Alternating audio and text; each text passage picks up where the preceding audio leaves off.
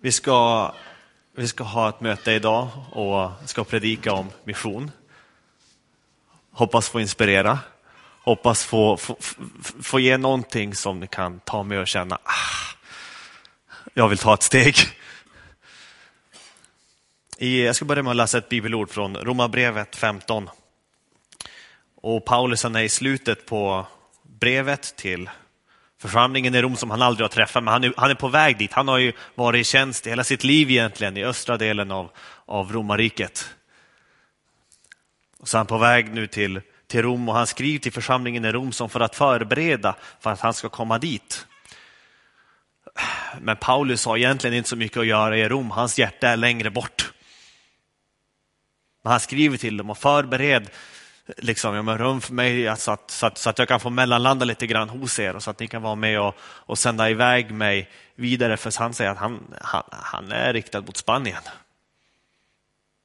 Så att han skriver så här i, från Romarbrevet 15 och 17 och framåt. Alltså har jag en ära i Kristus Jesus i min tjänst inför Gud.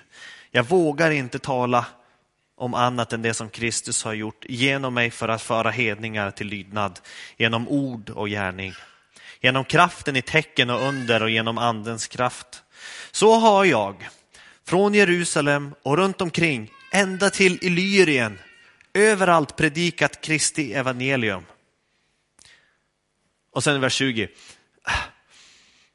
Jag har satt en ära i att förkunna evangeliet där Kristi namn ännu inte är känt. Så att jag inte bygger på en grund som någon annan har lagt. Det står ju skrivet. Den som inte har fått budskapet om honom ska se och det som inte har hört ska förstå. Och jag kan fascineras när jag läser Paulus och jag funderar, vad, vad drev den här mannen? Om man läser apostlagärningarna om allt som han gick igenom, man funderar, liksom vad, vad hade han för, för motor? Jag tror att det, här, det var mycket det här som drev honom, att de som inte har fått höra, de ska få höra. Att det finns folk runt om i vår värld som inte har fått den möjligheten, inte har fått gå i söndagsskola, inte har fått gå på konfirmation, inte har fått ha en fantastisk eh, eh, ungdomssamling med, med eh, nyrenoverade fina lokaler som bjuder in och som tar emot en och man får lära känna Gud. Det finns folk som inte har någonting av det här. Det enda de har det är, det är minoreter och moskéer var 50 meter som ropar ut att det finns ingen Gud förutom Allah.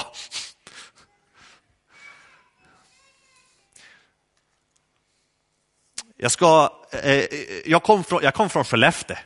Hur många av er skulle förstå om jag börjar bryta och börja snacka som Henrik? Där är några som skulle förstå lite grann. Jag kom från Skellefteå.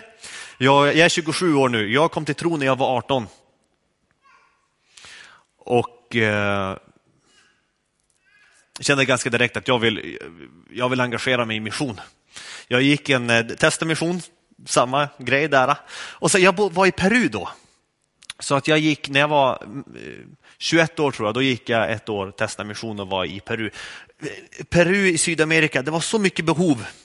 Det var, det var sociala behov, eh, ekonomiska behov, men alltså andligt på ett sätt. Alltså det var en kyrka i varannat gatuhörn där i Peru. Och jag var där och jag hade en, jag ska berätta liksom, nu när jag kom till det är liksom min eh, kanske kallelseupplevelse. Eller vad jag kände att det här vill jag lägga ner mitt liv i. Då var det en eftermiddag, jag låg där i eh, soffan i Lima och bad och hade väl satt på någon musik och så bad jag där. Gud, eh, vad vill du med mitt liv? Så, så var det som att en bild kom till mig. En bild som ett, ett, ett, ett litet levande ljus bara, som det här ljuset. Om vi skulle släcka det här ljuset när vi skulle blåsa ut det, hur mycket skillnad hade det gjort i den här lokalen? Det, det ah, skulle ju knappt märkas någon skillnad va? Om vi skulle ha precis samma ljus, precis samma eh, låga och liksom styrka där, men vi skulle släcka ner allt annat. Det skulle vara kolsvart i det här rummet.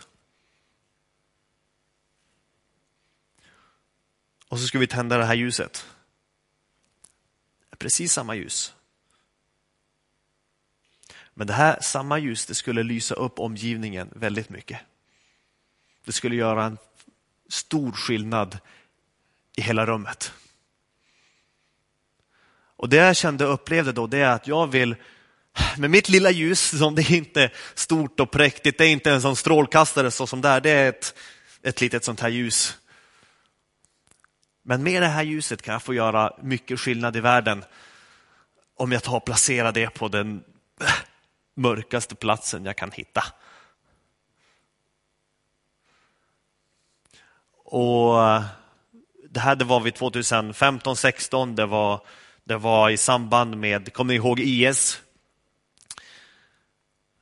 Och, och jag bara kände där eh, mer och mer att Gud gav mig, Gud gav mig en längtan och ett hjärta till, till arabvärlden, till muslim, liksom muslimvärldens centrum på ett sätt, arabvärlden. Så det, liksom bara, om jag bara kan få med en sak i liksom ditt liv idag, den här bilden på ljuset. Att inte med våra liv, med våra ljus, vi kan sätta dem på vilken plats som helst, det kan vara massa andra ljus och, och, och, och, det är fantastiskt, men det kanske inte gör så jättestor skillnad där om jag skulle vara på någon annan plats eller inte. Men vad finns det för plats där jag kan sätta mitt ljus, mitt liv och det får verkligen göra skillnad? Mission. Eh, världsliga saker vad är världsliga saker? Om jag säger världsliga saker, man kan ha tänkt på pengar, karriär, eh, underhållning. Men en till världslig sak, vet ni vad det är? Mission. Mission är i grunden en världslig sak det har med den här världen att göra. Det kommer en gång i framtiden när mission inte är nödvändigt. Det kommer en gång i framtiden när vi ska alla vi ska stå inför Gud och vi ska vara tillbe honom och vara inför honom. Det är det som är ultimat. Det är det allt handlar om. Tillbedjan. Personen Jesus. Och till och med mission måste tonas ner i ljuset av Jesus. Det är det allting handlar om. Att folk får tillbe honom. Att jag och du får till, vi kan engagera oss så mycket i det, vad vi ska göra och Gud är vår arbetsgivare, att vi glömmer att Gud är vår älskade pappa. Så det är så härligt att få börja den här gudstjänsten, men nu kommer vi samman och vi tillbe.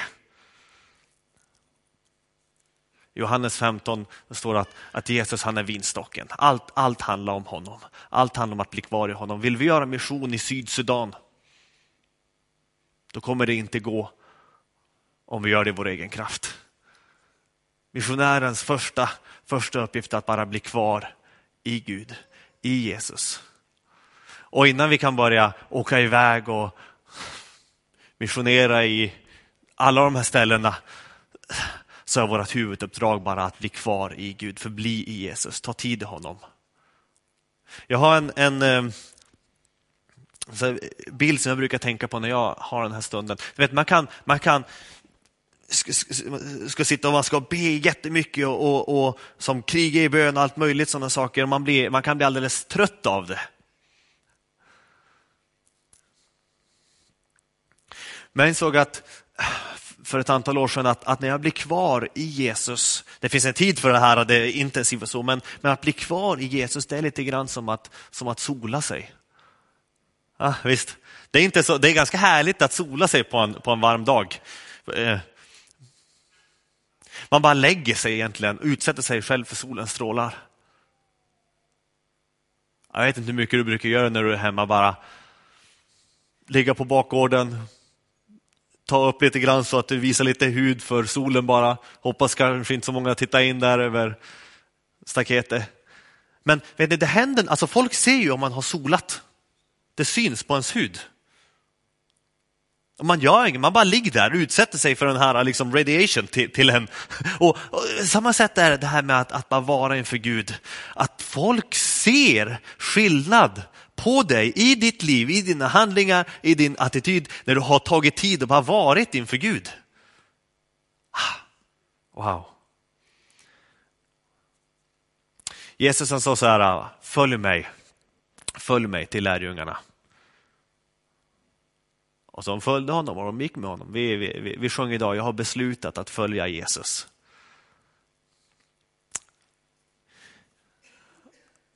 och det man gör om man följer Jesus, det är ju att, att jag bestämmer inte riktigt vart jag går. Jesus kom, nu går vi hit. Men, men Jesus, han är på väg någonstans. Jesus, han har ett uppdrag. Han har en väg framåt. Han har någonting som han är på väg till. Och de här lärjungarna som han hade med sig, de, de fick följa honom. Han sov ute. De hade inte alltid ställen som de liksom täcke och kudde. Ibland såg de inne hos andra folk som tog hem dem. Men, men han, Jesus han hade agendan va? och lärjungarna fick följa med honom.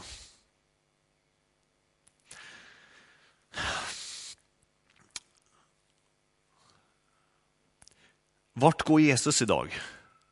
Jesus, vi läser i Filipperbrevet 2 att han fanns, in, liksom innan han kom ner som människa så fanns han i himlen, hade det fantastiskt underbart, härlighet.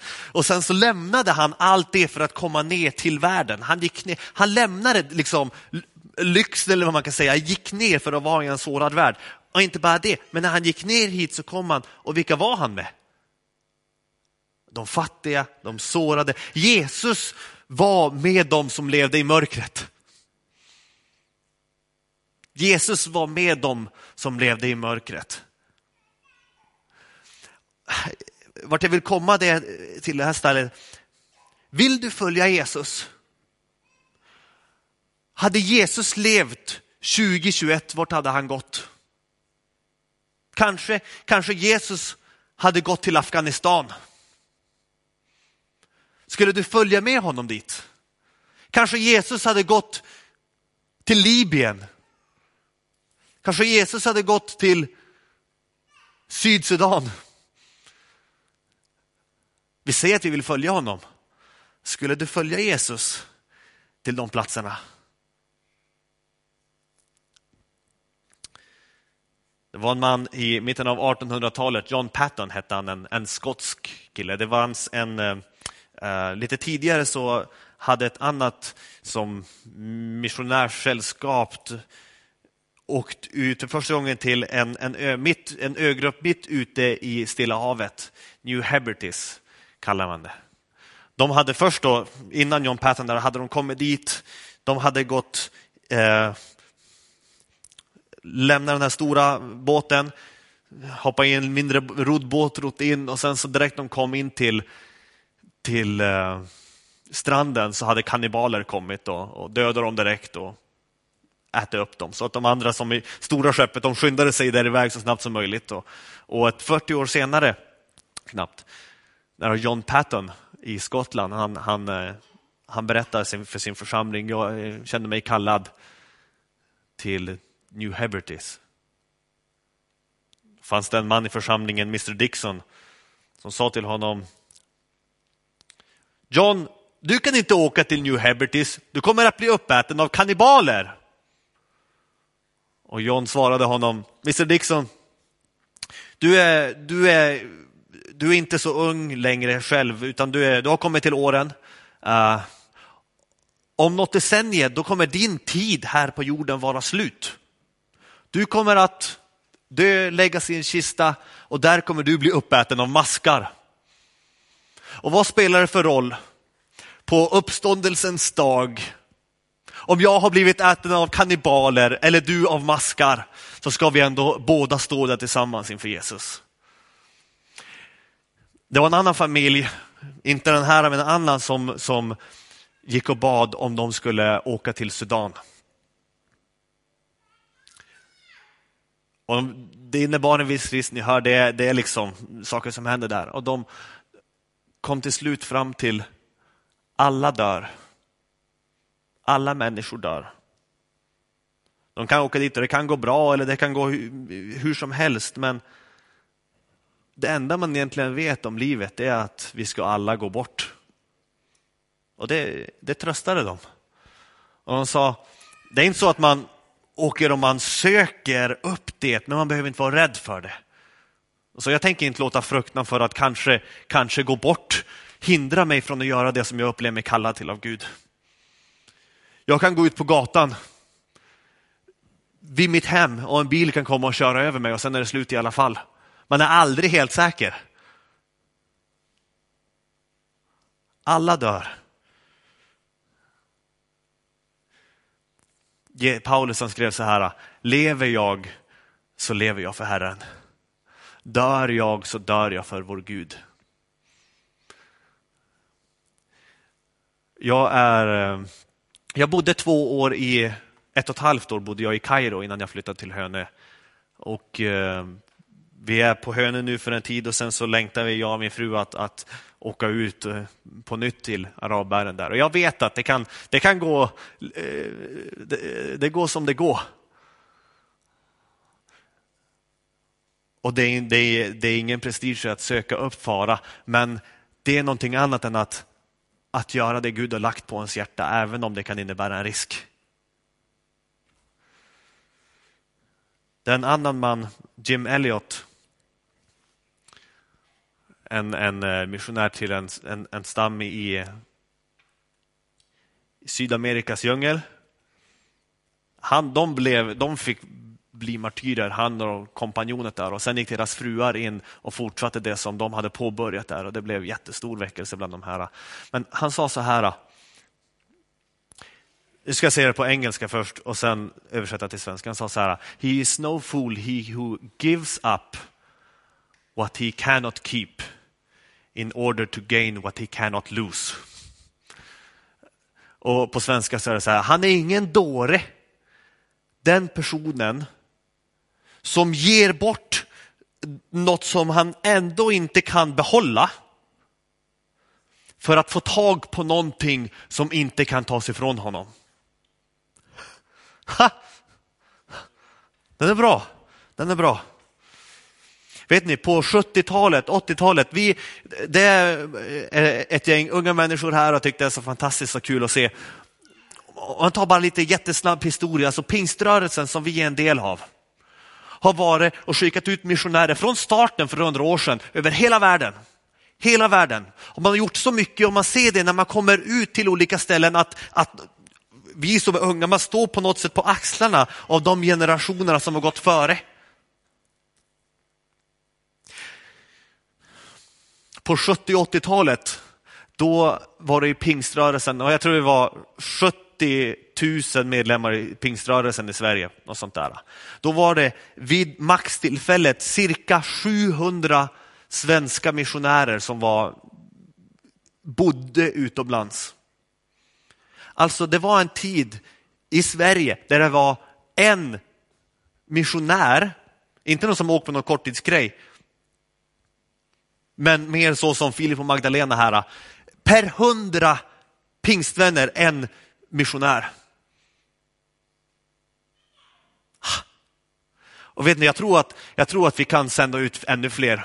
Att vi kan komma. Sen, sen så har det gått ner och man har gjort lite andra saker. Men vet ni, vi, vi, vi längtar från svensk pingströrelse att få sända ut många människor, liksom de här. Det finns egentligen ingenting som säger att, att det bara är några få. Det finns, vet ni, ibland så möter jag folk och, och, och det kan vara unga människor som säger så här, jag, jag ber jag ber så här till Gud att Gud, om du vill att jag ska åka iväg någonstans, bo på en annan plats ett tag, så får du säga det och vara riktigt tydlig. Och det är bra, det kan vara legitimt så här, men, men vad tänk om man skulle vända på det.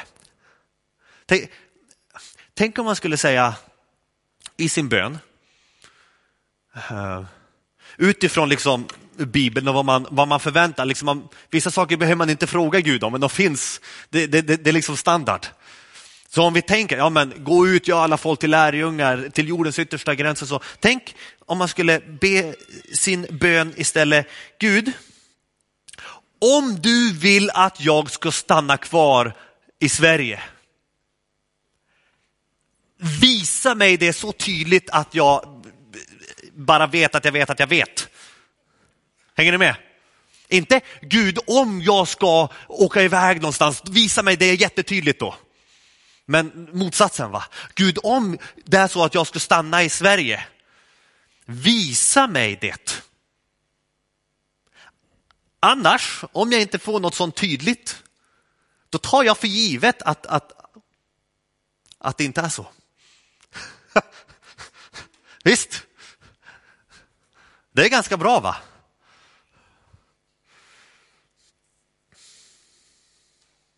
Jag, eh, jag gick Testa mission ett år. Nu ska jag berätta en sak. Eh, så här funkar det lite grann. Och, eh, en sak som jag brottas med i alla fall.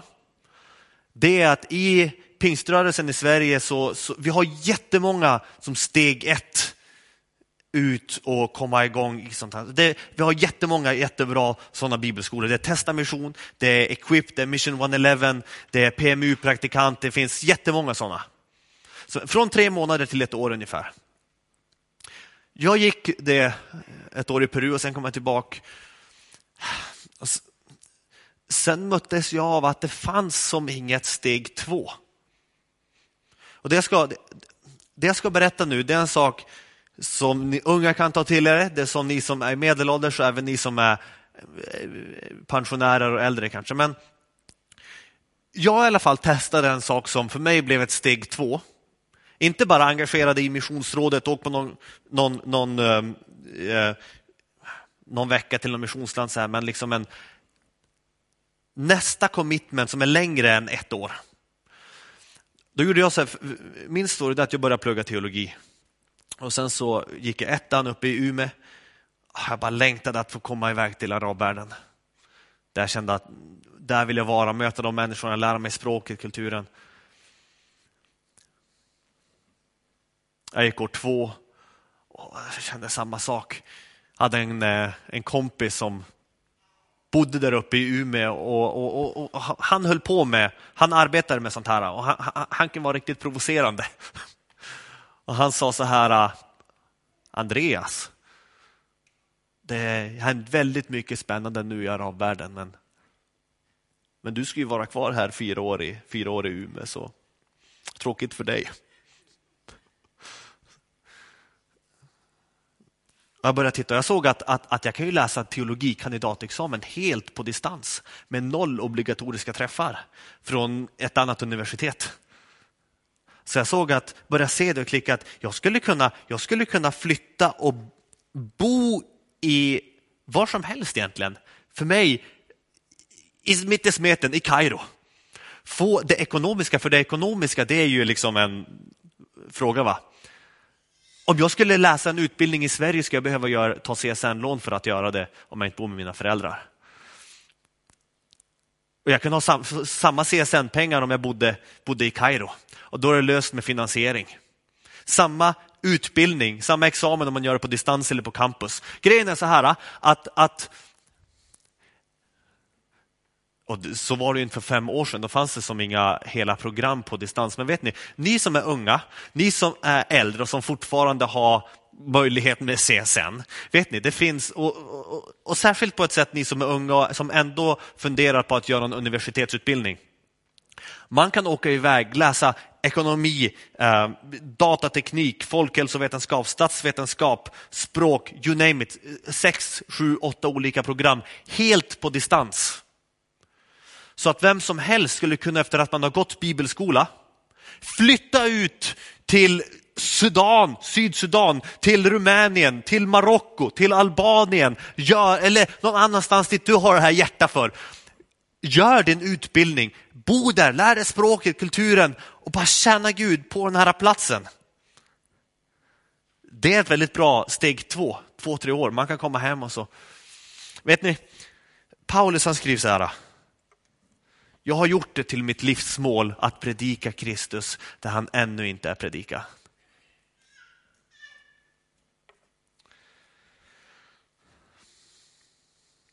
En man och kvinna i Lidköping är lika mycket förlorad för evigheten som en person i Mecka utan Jesus.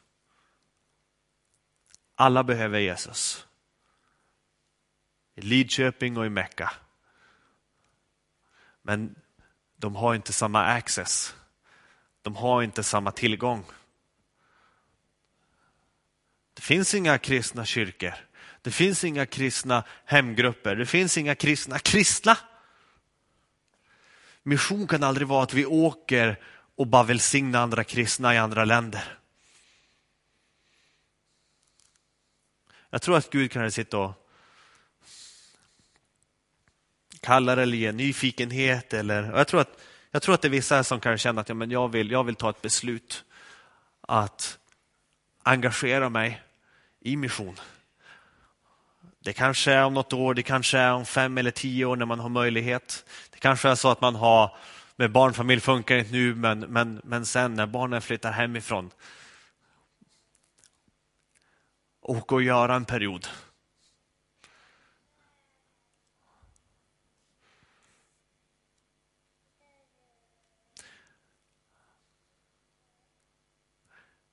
Jag har några ungdomar på, på Hönö, de är 18 och 19, de följde med dit till Kairo. Och jag fick se att, att, att Gud la ner någonting i deras liv när de fick se. Jag ville inte bara visa koptiska kyrkor, jag tog med dem in i en moské. Det var lite kul för tjejerna, de fick, eh, de hade ju kläder där de fick ta på dem och så, men, men vi gick in dit och de fick se, de fick möta det här, de fick se kvinnorna som sitter där och de, det enda man ser det är ett litet hål här. Och han fick möta, möta islam egentligen. Möta minoriteterna som ropar ut fem gånger om dagen att det finns ingen Gud utom Allah. Och Muhammed är hans profet. Som ropar ut egentligen att Jesus inte är Gud.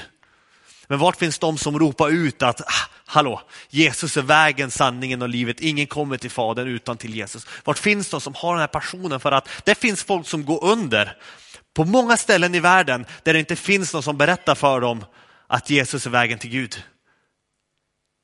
Enda vägen till Gud.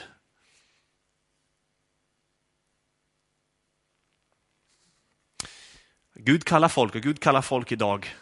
Det är inte bara på 70 80-talet. Men det är för 2020, för 30-talet. Jag ska avsluta bara med en bild. Eh, det är egentligen en visuell bild, men jag får försöka måla upp den med ord. Och sen ska vi snart kunna landa så. Men, men det ni gör som församling, så viktigt. Jag tänker mig som en brunn. Tänk er en brunn och där ligger det folk som behövs räddas där nere. Är det så att man har Guds kärlek i sig så bör det finnas en drivkraft att vi, någon måste klättra ner dit i brunnen, hämta upp dem. Och då finns det de här som Filip och Magdalena, som kanske vissa här ute som sitter och lyssnar nu som känner att jag vill engagera mig, jag vill ut dit, klättra ner i brunnen och, och, och, och hämta upp dem på ett sätt.